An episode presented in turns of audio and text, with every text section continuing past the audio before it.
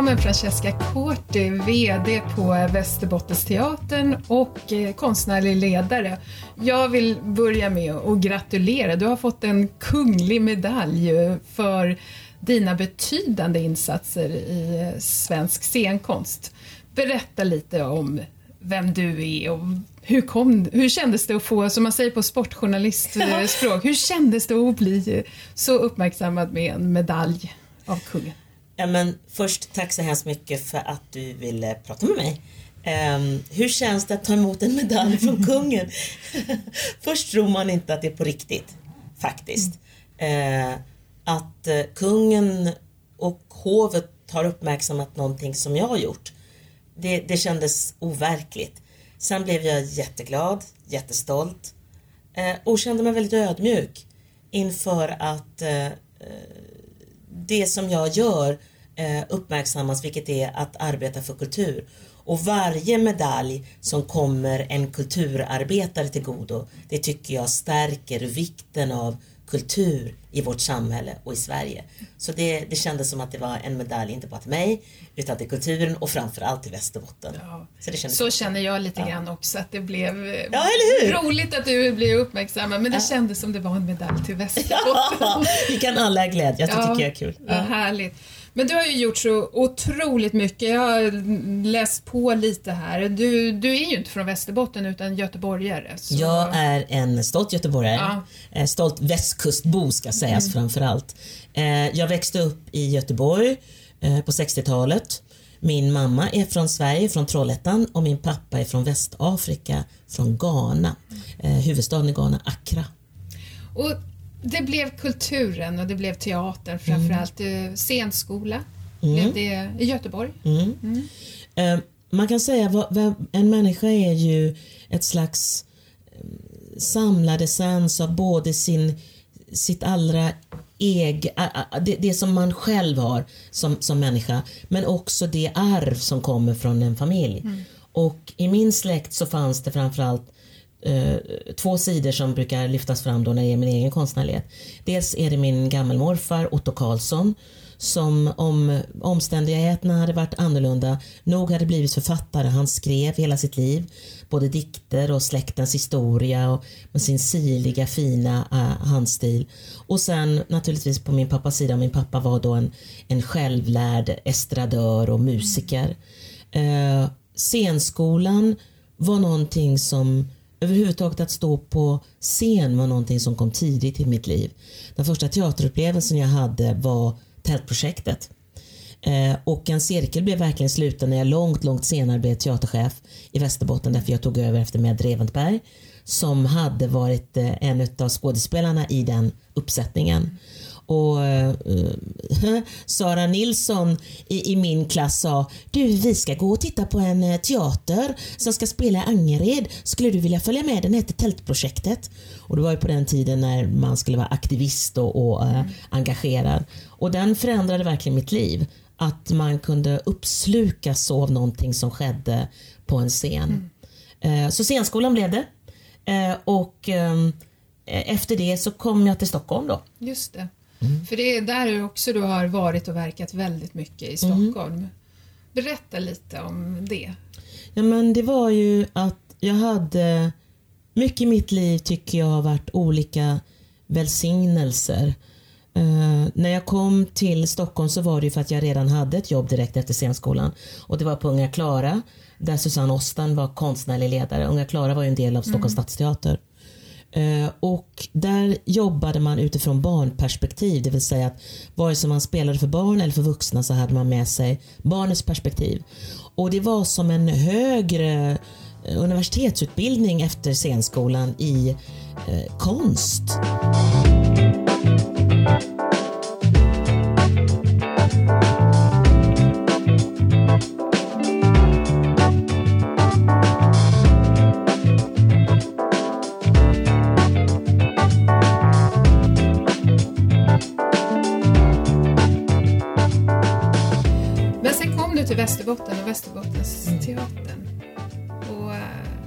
Har gjort så mycket här. Uh, mm, kan du inte berätta lite om alla de projekt som, uh, som ni har gjort? Ja, mycket bra fråga. Och eh, var ska man börja? Man kan säga så här att när jag hade gått ut utbildningen så sökte jag ett antal positioner. Kom många gånger till slutintervju men det ville sig inte riktigt. Eh, och efter ett tag så kände jag, för det är den sortens människa jag är, att jag känner att nej men om den här dörren som jag står och knackar på inte öppnar, då måste jag gå vidare i någonting annat. Mm. Så jag hade precis startat ett företag och börjat planera för att jag skulle hålla på med ledarskapsutveckling och lite kurser och, och, och eh, prata om kommunikation och, och sådär. Och så kom den sista annonsen, det var för Västerbottensteatern. Mm. Och jag kände med en gång att det var någonting annorlunda. Eh, både annonsen och tilltalet kändes annorlunda. Så att eh, jag kom till intervju och sen fick jag den här tjänsten och jag blev sjukt glad. Och jag är eh, av, den, av den tron att eh, saker och ting rör sig på det viset också som det är menat att det ska vara. Mötet med Västerbotten var en slags omedelbar kärlek. Mm. Jag tycker att jag blev bemött med, med värme och omtanke från första början och det är inte bara ett smöreri utan det står jag fast vid så här åtta år senare. Mm. Det finns någonting i norra Sverige, jag hade ju varit här och turnerat och så men det finns någonting här i norra Sverige som är verkligen eh, varmt och påminner om det arv som jag själv har i bagaget, nämligen småstan eh, från min mammas sida då, Trollhättan, men också lantbrukarsamhället. Mm. Eh, och då kom jag till den här teatern som var eh, omhuldad av arrangörer och, och publik och så vidare. Men jag visste att mitt uppdrag var så tydligt. Jag skulle förbereda organisationen för en flytt som skulle komma om eh, ett antal år och som skulle då innebära att vi skulle flytta in i det här kommande nya kulturhuset som fortfarande var på en slags diskussionsnivå. Mm. Och då, då var jag av den ambitiösa naturen att jag ville modernisera organisationen och jag ville utveckla det som var våra eh, styrkor helt enkelt. Eh, och jag satte igång i ganska hög takt till personalens förskräckelse och eh, drev på ganska ordentligt. Ehm, det ledde bland annat till en stor omorganisation som är en väldigt tydlig struktur idag där vi är tre, som vi säger, utövande avdelningar. Teateravdelningen som då gör alla teaterproduktioner och sommarteater och, och kan göra också eh, lunch och middagsteater, gästspel och sånt. Och sen Unghästen som precis hade flyttat in rent fysiskt på Västerbottensteatern när jag började. För de var i en annan byggnad ute på stan tidigare, även om de låg under vårt paraply. Och sen så småningom det som var våran nyaste avdelning, Nordiskt berättarcentrum. Och där finns det tre engagerade, drivna chefer, Bobo Lundén som är konstnärlig ledare och regissör ibland på teatern, eh, som leder teateravdelningen, Malin Lundqvist som ju leder med framgång den prisbelönade ungdomsavdelningen Unghästen och så då Robert Herrala som, hade en, som leder eh, Nordiskt berättarcentrum med, med lång erfarenhet av berättande som han har hållit på med ja, nu 15-20 år tror jag, redan innan jag kom. Det är ju en tradition som verkligen Västerbotten har, det är ju den här berättartraditionen. Det, vi brukar kalla det berättarlänet ja. det, med alla stora författare men det är ju också någonting som kommer ur ja, men det här folkrörelse och det frikyrkliga. Det, det finns någonting väldigt starkt här. Men du säger att du kände att du hade ett väldigt tydligt uppdrag och det var det här flytten. Men för de som lyssnar nu, vad är liksom en länsteaters uppdrag? Vad är det, man, vad är det som, eh, som man ska bidra med till hela den här stora kultursektorn som det ändå är? Ja, men jag ler stort här för jag tycker det är en sån bra fråga en länsteater är ju bärare av länets historia och traditioner men också en slags eh, stolthet. Som vi, vi, är ju Västerbottens Dramaten. Mm. Uh, och då är det ju stora ord som uh, i Västerbotten kan man säga, åh, oh, nej men det låter stort och fint. Ja, det är stort och fint. Länets teater ska ha en nära anknytning till dess invånare men också eh, eh, kanske utmana invånare med olika berättelser och, och, och, och pjäser och, och så. Men jag brukar säga att en länsteater måste vara förankrad i det samhälle där den befinner sig. Mm. Och naturligtvis, länsteaterns ursprung är ju att det var en som de flesta länsteatrar en fri grupp från början mm. eh, som senare då blev en länsteater. Inte minst därför att när Norrlandsoperan fick sitt hem i Umeå då fanns det starka krafter i Skellefteå som sa då ska vi ha mm. länsteatern. Mm. Och därför ligger inte länsteatern i residensstaden, mm. vilket ju är det vanliga. Eh, och jag brukar säga till alla som jag träffar att Västerbottensteatern är din teater. Mm. Det betyder att det finns alltid möjlighet för dig att förmedla en önskan, en längtan, en tanke, en åsikt. Eh, det är inte alltid vi kan hinna med allting och hörsamma allting, men vi vill absolut ha den dialogen med invånarna i Västerbotten. Men man brukar ju prata om det här med kulturen, att den är för en viss grupp och att det är framförallt eh, kvinnor som går på teater och sådär. Hur, hur ska man jobba för att liksom, den verkligen ska kännas som någonting för alla och som man just är engagerad i? För det är ju lite som du är inne på, kulturen ska ju inte bara behaga utan den ska ju också utmana och mm. det det, hur, hur gör man för att nå? Vi är ett stort län, det är glesbefolkat och det, är, ja, det finns många både tycke och smak och vilja. Man kan säga så här, först måste sägas att eh, pandemin förde också med sig något gott. Mm. Eh, och det är det att alla har en sån stark villighet till att ta del av information i olika slag, av olika slag eh, digitalt. Mm. Västerbottensteatern initierade tidigt ett digitalprojekt. När jag, kom, när jag kom till teatern så sa jag vi måste titta på digital, digitalisering. Märk väl, jag blev ju alltså chef 2013. Det känns som, det känns som hundra år sedan. Men eh, då var det både en och två som stirrade på mig och sa Va? Eh, men vi, vi, vi var, var tidigt i, i, i startgroparna där och vi fick möjligheten att få ett projekt tack vare pengar från Kulturrådet som var de fyra digitala plattformarna där vi skulle undersöka hur kan en länsteater arbeta med digitalisering. Så när pandemin kom så var vi nog en av de teatrar som stod redo att direkt ha en, eh, inte bara ett brett anslag gentemot vår publik för att hålla kontakten men också en ganska hög kvalitet på det. Mm. Eh, och jag säger detta därför att det är precis som du säger, vi är alltså Sveriges näst största län. Mm. Hur, hur hålla kontakten med länet? Ja men först vill vi ju naturligtvis vara på plats med invånarna. Men redan när jag började så minns jag att eh, ett kommunalråd som tyvärr inte finns med oss längre i Malå sa och när kommer ni skicka föreställningar? Eh, och, och det är ju därför att man, man vill kunna ta del av kultur också eh, lite högre grad än vad vi förmår och vad arrangörerna har råd med. En arrangörsförening sitter ju oftast ute då i ett län och kanske har en årsbudget på ja, 40 000 kronor.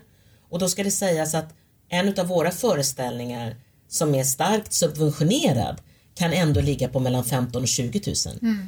Så det är klart att hur, hur, hur få ut mer till fler Eh, och där har vi också olika länsöverskridande eh, samarbeten samarbete med de andra länsteatrarna i norra Sverige där vi under många, många år hade ett samarbete under en flagg som heter Norrscen där vi nu försöker se efter, går att utveckla det på ett nytt och, och, och spännande sätt liksom.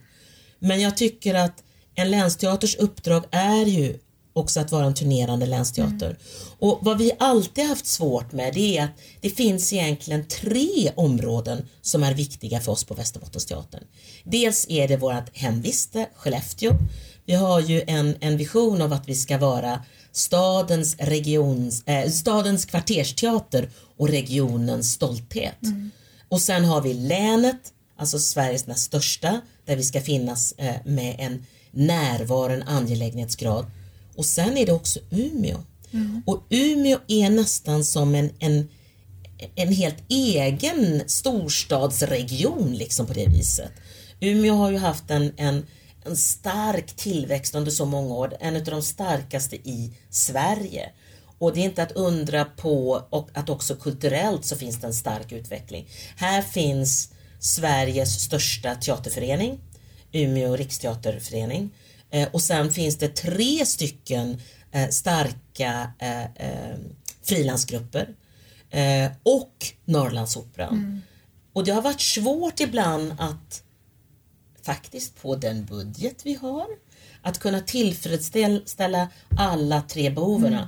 Och jag visste det att jag var tvungen att sätta lite extra fokus på Skellefteå eftersom det var det här kommande kulturhuset mm. som skulle komma.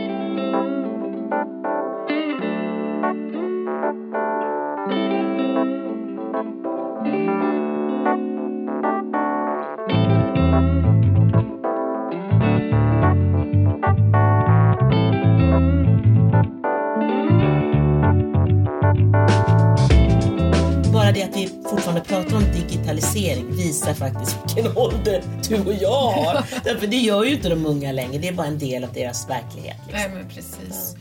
Men jag tänker ändå, det var ju ändå bra för Västerbottensteatern att ni hade påbörjat den här digitaliseringen Absolut. inför pandemin och så, men det har ju ändå påverkat kulturen dramatiskt och man läser ju nu i andra branscher där hur mycket kompetens man har tappat ja. under den här tiden. Kan du inte bara säga någonting om liksom hur du ser, för det finns ju enorma möjligheter, vi har tagit jättestora språng, men det är också det där att många tvingades ju sluta ja. som kulturarbetare och vad, vad, tror du om framtiden? Jag förstår att man vill vara optimistisk men, men hur ser du på möjligheten att kunna liksom dra igång kulturen igen på när, när vi förhoppningsvis är ur det här eh, så som vi har varit de senaste ett och ett halvt åren? Jag älskar min bransch. Jag tycker att vi är jordens salt. Och vad menar jag med det? Det är det att vi är så, vi är så sega. Vi, vi, vi liksom ramlar och snubblar och slår oss och reser oss om och om och om, och om igen. Men det här som har hänt nu med pandemin, det är otvivel, otvivelaktigt en av de svåraste saker som min bransch har genomgått någonsin. Man pratar om kulturen som ett ekosystem mm. där allting hänger ihop. Från den minsta mikroorganism till liksom de stora valarna. Eh, och vi har precis genomgått en miljökatastrof, ett, mm. ett, ett oljespill av Guds nåde. Det är precis som du säger, eh, kompetenstappet kommer att synas först om några år. Eh, det finns folk som inte längre har orkat att härda ut liksom. Och trots att Eh, jag är verkligen glad över att regeringen så, så, så tidigt eh, insåg liksom att här måste vi verkligen stötta hela den här branschen om inte den ska bara upphöra. Mm. Eh, vi har också fått en närhet till varandra eh, även om min kunskap om privatteatrar har funnits liksom lite perifert så, så nu känns det som att vi står mycket närmare varandra Eh, jag har en stor respekt för den, den svårighet som privatteatrarna har gått igenom. Vi ska inte ens tala om frilansarna som, som, som verkligen har de har verkligen haft en oerhört svår tid eh, att väva ihop en tillvaro som även innan var, var, var, fanns utmaningar med. Eh, jag ser hur både fackförbunden och branschorganisationerna har jobbat enormt Mm. för att säkerställa liksom och utmana. Nu, vad, vad händer härnäst? Hur tänker vi nu? Vad, eh, eh, och inte minst liksom att, att liksom krävt saker också från, från högre ort. Och det skulle jag vilja höra nu, för du har ju nu chansen att säga alltså, och önska någonting ja. och hoppas på att det är någon av våra beslutsfattare som lyssnar på detta. Ja. Vad, vad, tycker du är allra, allra viktigast att vi, vi som samhälle, offentliga satsar på nu för att ge den här liksom, återstarten för kulturen? Ja, men jag kan säga så här. Det har glatt mitt konstnärshjärta att man verkligen förstod oj, vi måste värna om kulturen mm. för att den ska överleva. Nu skulle jag vilja se att det gick bortom det. Eh, nu har vi överlevt, mm. hur ska vi blomstra? Just. Och kulturen är en marginaliserad sektor eh, i samhällsstrukturen inte av våran egen önskan. Eh, men det är svårt för folk utanför, eh, och nu pratar jag då specifikt om scenkonsten, eh, att förstå att hur mycket omsorg, kärlek och stöd det behövs. Mm. Utan det är verkligen den där man saknar inte kon från båset är tomt effekten. Och, och jag menar att jag skulle behöva se en mycket starkare, mycket tydligare vision mm. om eh, de, kulturpolitiska, de nationella kulturpolitiska målen. Jag tycker att man behöver ta bladet från munnen, jag tycker att man ska sluta mumla, eh, jag tycker att man ska eh, vara modigare, gå bort från floskler utan mer liksom våga stå för någonting och säga det här är vad jag tror man skulle kunna göra. Jag kommer ihåg en gång för länge sedan att, eh, jag tror det var Bill Clinton som hade något sån här jätte möte där alla fick eh, i trygghet tala fritt och högt kritisera, komma med påståenden som också gjorde att man kunde dra upp mycket mer modigare riktlinjer. Eh, jag tror att vi har en, en, en unik möjlighet efter denna pandemin och inte minst också inför ett kommande val att faktiskt med tydlighet och fas säga vad det är man vill. Det finns väldigt få partier som faktiskt talar med en tydlighet om vad man vill när det gäller kulturen. Och vi har en möjlighet att, att bygga någonting grundläggande som kan vara avgörande för lång tid framöver. Ta, den, ta det ansvaret. Eh, som Eliana Vincent brukar säga, put your big girl panties on eh, och verkligen liksom vill någonting. Mm. Det, det, det, det skulle vara välkommet. Jag brukar ju själv använda det här citatet från Winston Churchill när de ville ta av kulturbudgeten för att finansiera kriget och han svarar lite på sitt sedvanliga sätt. Eh, men vad är det då vi försvarar? Mm. Och jag tänker att det är ju precis det. Alltså kulturen är en sån avgörande del för våra samhällen och för oss som människor. Så, men jag hör, det är mod och visioner som du efterfrågar nu. Absolut, och jag vill också säga någonting som det du säger. Det är inte alla som förstår precis det du säger. Hur avgörande är kulturen egentligen? Om jag får höra en person till säga Ja, det, det är ju viktigt med barn och unga. Biblioteket, ja det är ju viktigt med bibliotek. Blaha, blaha, blaha. Eh, jag skulle vilja avkräva Sveriges samtliga kommunchefer att faktiskt sätta sig in i vad är kultur för mig och vad är det att utöva kultur och skapa kultur. Därför att det är också avgörande, precis på det viset som man sätter sig in i skola, vård, omsorg, mm. som är de där parollerna som alltid dras fram kring valet. Mm.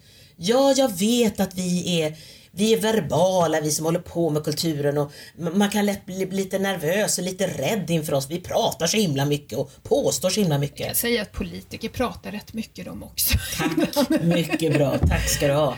Nej, men det viktiga här är väl också att lyssna, tänker jag, ja. och att man just får den här uh, förståelsen. Nu ska ju ändå göras en jättesatsning då med Sara kulturhus och det här som ja. du som bara var liksom i diskussionen när du startade. Nu, nu är det bara månader bort. Mm. Vad, vad, ser du eh, i det här Sara kulturhus? Jag förstår att det har varit jättemycket utmaningar med att liksom flytta och in i nya lokaler och sådär. Men vad tror du det kan betyda ändå att få det här liksom nya eh, som kommer vara, jag menar det är ju ett, ett hus som kommer definiera Skellefteå och Skellefteås stadsbild till väldigt mycket. Men hur innehållsmässigt, vad ser du framför dig? Jag tänker så här att det har aldrig byggts ett sånt här hus. Och vad menar jag med det? Det har byggts många kulturhus men det har aldrig varit en sån sammanslagning av ehm, eh, eh, av producerande scenkonst, eh, museum, konsthall, bibliotek, eh, kommersiell kulturell verksamhet och ett hotell. Det är ju som ni hör redan från början. det är inte en lätt sak. Nej. Jag tror att man måste vara tydlig i med vad man vill med kultur därför att det är ungefär som när man, eh, man, man dukar upp en, en, en Nobelmiddag mm. med jättemycket vackert porslin, vackra blomsteruppsättningar. Men till sist och syvende så är det vad är det vi lägger på tallriken? Mm. Hur smakar maten? Och innehållet kommer vara det absolut viktigaste. Och där handlar det om att också ha en, en Skellefteå som kommun har, har varit så visionära redan från början när det gäller jag kommer ihåg tidigt när man pratade om att 2030 målet, 80 000 invånare. Herregud, det möttes med så mycket liksom, ja men förakt måste man säga. Jaha, hur tror man att det där ska gå till? Och titta nu där vi befinner oss. Vi är utan tvivel en tillväxtkommun. Mm. Med Northvolt, med eh, samman, eh, eh, sammanslagningar höll jag på att säga med, med, med, Norrbotten och allting som ska ske där. Man pratar om kanske 100 000 människor mm. som inom de närmsta 20-30 åren ska behöva flytta eh, till den, eller ska, ska, ska flytta till den här delen och mm. utveckla eh, den här delen av, av, Sverige. Och då menar jag den slags visionära det, det slags visionära modet krävs också när det gäller kultur. Och då handlar det om att hur kan vi utveckla kulturen, inte minska den. Mm. Hur kan vi utveckla den så den når eh, byarna, de mindre samhällena och vad är det för vision vi ska ha där? Mm. Och den ser jag inte riktigt ännu. Mm. Den nivån på hur ska vi höja konsten, scenkonsten, eh, museiverksamheten, eh, läslitteraturen, eh, Därför att när vi pratar om kultur då är det många som säger så här, ja men det finns många slags eh, kultur. Eh, fotboll är också kultur. Ja men det är klart att det är. Men det är inte det vi pratar Nej. om. Utan vi pratar om det som man på engelska säger, kallar för the fine arts. Mm. Och det gäller att vi ska inte vara rädda för att eh, framhäva det som är spets. Att ha en utbildning, det är någonting vi ska vara stolta över. Och det finns utbildningar inom scenkonst, museivärld, eh, bibliotek som vi ska höja som någonting fint. Mm. En gång i tiden så byggde vi det här landet genom att säga vi ska bilda oss. Mm. Och det ska vi fortsätta framhäva. Så hur ska vi höja den kulturella kompetensen? Där vill jag se eh, både politiker och tjänstepersoner som är modiga och säger vi ska inte låta oss nöja oss med det, det som är lagom och, och, och, och, bra. Utan vi ska, vi ska verkligen höja oss till en högre nivå.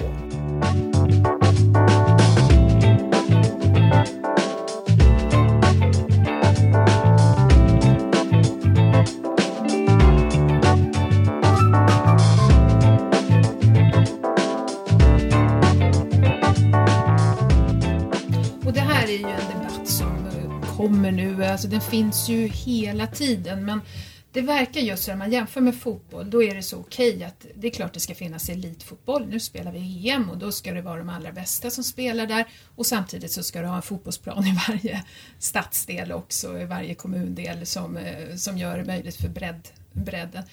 Men inom kulturen, eh, är det samma känsla därför att du behöver både och? Du behöver både den här spetsen som du pratar om och det är ingen motsatsställning till till bredden? Eller hamnar vi alltid i det här att det är på något sätt antingen eller? Antingen satsar vi på barn och unga eller så har vi den bästa teatern av alla. Alltså, du ställer så mycket bra frågor som öppnar upp för hela världar vad man vill diskutera men om jag försöker rabbla ur mig min egen syn vi kom alltså från ett bondesamhälle som blev ett industrisamhälle. Där växte det fram en folkrörelse som sa så här, vi måste om vi ska kunna fram, eh, eh, föra fram våra krav till våran motpart så måste vi bilda oss. Mm. Vi måste komma upp ur det dåliga självförtroende som är att jag kommer från arbetarklass eller jag har ingen bildning och så vidare för att kunna möta upp då eh, motparten som ofta kom från en högre utbildning. Mm. Då var det en självklarhet och det var ingen motsats i sig. Men redan då så bildades lite grann tankarna kring fin och fulkultur. Mm. Sen kom 60-talet när så mycket av kulturvärlden sa Nej men vi ska inte ha någon hovteater, vi ska tillbaka till folket, så vi ska bryta upp från det. Och då var det en hel befolkning som var så här, ja men vi har ju precis fått lära oss att vi ska bilda oss och vi, vi ska vilja uppnå det där lite finare, de finare salongerna. Och där skapades en annan brytningspunkt och en slags förvirring. Men jag menar det att, att eh, det är precis som du säger. Eh, eh, man pratar inte om en elitläkare och ändå vet vi att det finns de som är specialister som har ägnat en stor, stor del av sitt liv till att utbilda sig inom en viss genre och fördjupa sina kunskaper. Så är det naturligtvis inom kulturvärlden mm. också. Kulturvärlden har, precis som alla andra sektorer, har sina eh, bra och dåliga sidor. Jag tror att vi eh, många gånger har kanske ehm, eh, haft en nördig sida i, i det att forska och, och, titta på hur kan vi hitta det, hur ska vi banbryta som har gjort att några har känt sig liksom hjälp, hjälp, jag förstår mm. inte vad är det de vill säga. Men den associativa sidan av människan finns i alla människor. Och vad menar jag med det? Det vill säga att när vi blir kära i en annan människa så är det inte så att vi håller på och analyserar vad är det jag känner, på vilket sätt och hur är det och eh, varför tycker jag om honom eller si eller så. Utan det är en känsla och den behöver vi också uppöva, det modet behöver vi uppöva när det gäller kulturen. Mm. Den associativa, det vill säga jag kanske gillar det eller jag kanske inte gillar det. Mm. Jag kanske gillar någonting när jag kommer nästa gång då. Att komma tillbaka, att prova mm. olika sorters teater, olika sorters sylt. Inte och slutade jag att titta på ishockey för att min första match, där förlorade Skellefteå AIK med, mm. med liksom 0-8 då till Luleå. Va? Det var väl inte så himla kul som första, första matchen. Jag minns att de som gick med mig sa, du får aldrig mer komma med på en match. liksom du är min dålig maskot här. Mm. Men modet, jag kommer tillbaka till om och om igen modet att våga intellektualisera, associera, mm. eh, känna saker.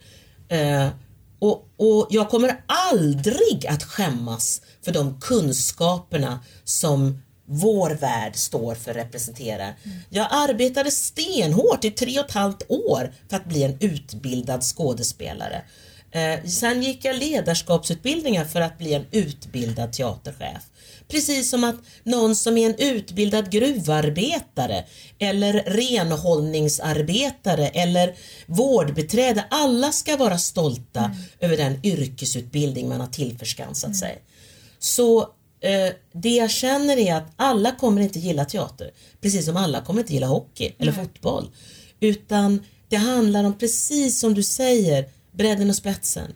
Och det måste vi ha för att kunna att ett barn ska kunna gå på teater och säga det där vill jag göra mm. i framtiden också.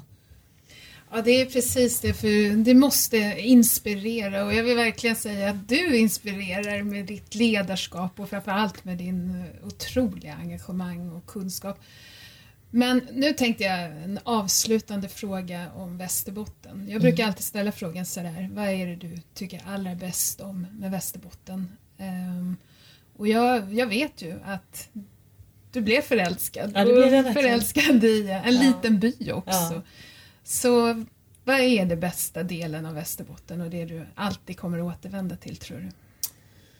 Jag bor ju då i vad jag själv tycker är världens vackraste by, Innansjön. Eh, och om du hade frågat mig för 20 år sedan, eh, eller, eller sagt till mig att för 20 år sedan att ja men du, ska du inte ta och flytta till en liten by med vad är det, vad är det 40 eller 50 hushåll eh, och bo där så jag hade sagt, är du inte riktig i huvudet? Det som Västerbotten har, det, det framhävs så mycket naturen och eh, liksom skogarna och möjligheten till fiske. Så Men det som är våran verkliga tillgång, det är ju människorna. Det finns en värme i det här länet. En, en, en enkelhet och närhet och en, en möjlighet att få vara sig själv. Jag tycker att västerbottningen mer än någonting uppskattar människor som är sig själva och det är vare sig man är som mig extrovert och storslagen och gestikulerande med händerna och eh, talar mycket och ofta och högt. Eh, eller någonting annat. Eh, bilden av Norrland och norrlänningen som baserades mycket på en enda person på 70-talet som var en väldigt introvert människa. Jag tänker naturligtvis på Ingmar Stenmark, våran stora idrottshjälte. Eh, den är ju totalt missvisande i det avseendet. För norra Sverige är så många saker. Och jag säger att det är med norra Sverige ungefär som med den afrikanska kontinenten. Det är där framtiden ligger. Den afrikanska kontinenten med sina 54 olika länder. Eh, när man säger så här, eh, jag ska åka till Afrika. Nej, det ska du inte göra. Lika lite som du ska åka till liksom, eh, Europa bara rent. Utan du ska ju åka till ett visst land. Och bara inom det landet finns det ett oändligt antal folkslag och, och, och språk och så vidare. Afrika med dess stora eh, alltså population som allihopa är under 18 är framtiden. Mm. Mer än någon annan kontinent i världen. Och så är det också med norra Sverige. Jag menar verkligen det. Här uppe kommer framtiden att utveckla sig i att, att du kan ha både det bästa av storstad och landsbygd och det som jag tror är viktigt för så många svenskar att det där med en plats att återhämta sig. Och pandemin fick oss verkligen att se, man pratar om den andra nya gröna vågen, att jag kan alltså bo i en liten by som Innansjön och ha närheten till storstan, eh, Umeå och Skellefteå, närheten till flygplatsen, också Umeå och Skellefteå. Eh, jag har närheten till hav och eh, eh, kust och närheten till fjäll, närheten till naturen, närheten till det som är shopping och kultur och, och alltså den livskvalitet som jag fick när jag flyttade till norra Sverige. Det är därför som norra Sverige, Norrland, Västerbotten, Norrbotten, eh, Jämtland. Jag menar, det är verkligen här framtiden finns. Det tycker jag verkligen. Oh, vad fint. Tack så jättemycket Francesca för att du ville vara med. Tack för att du ville ha mig.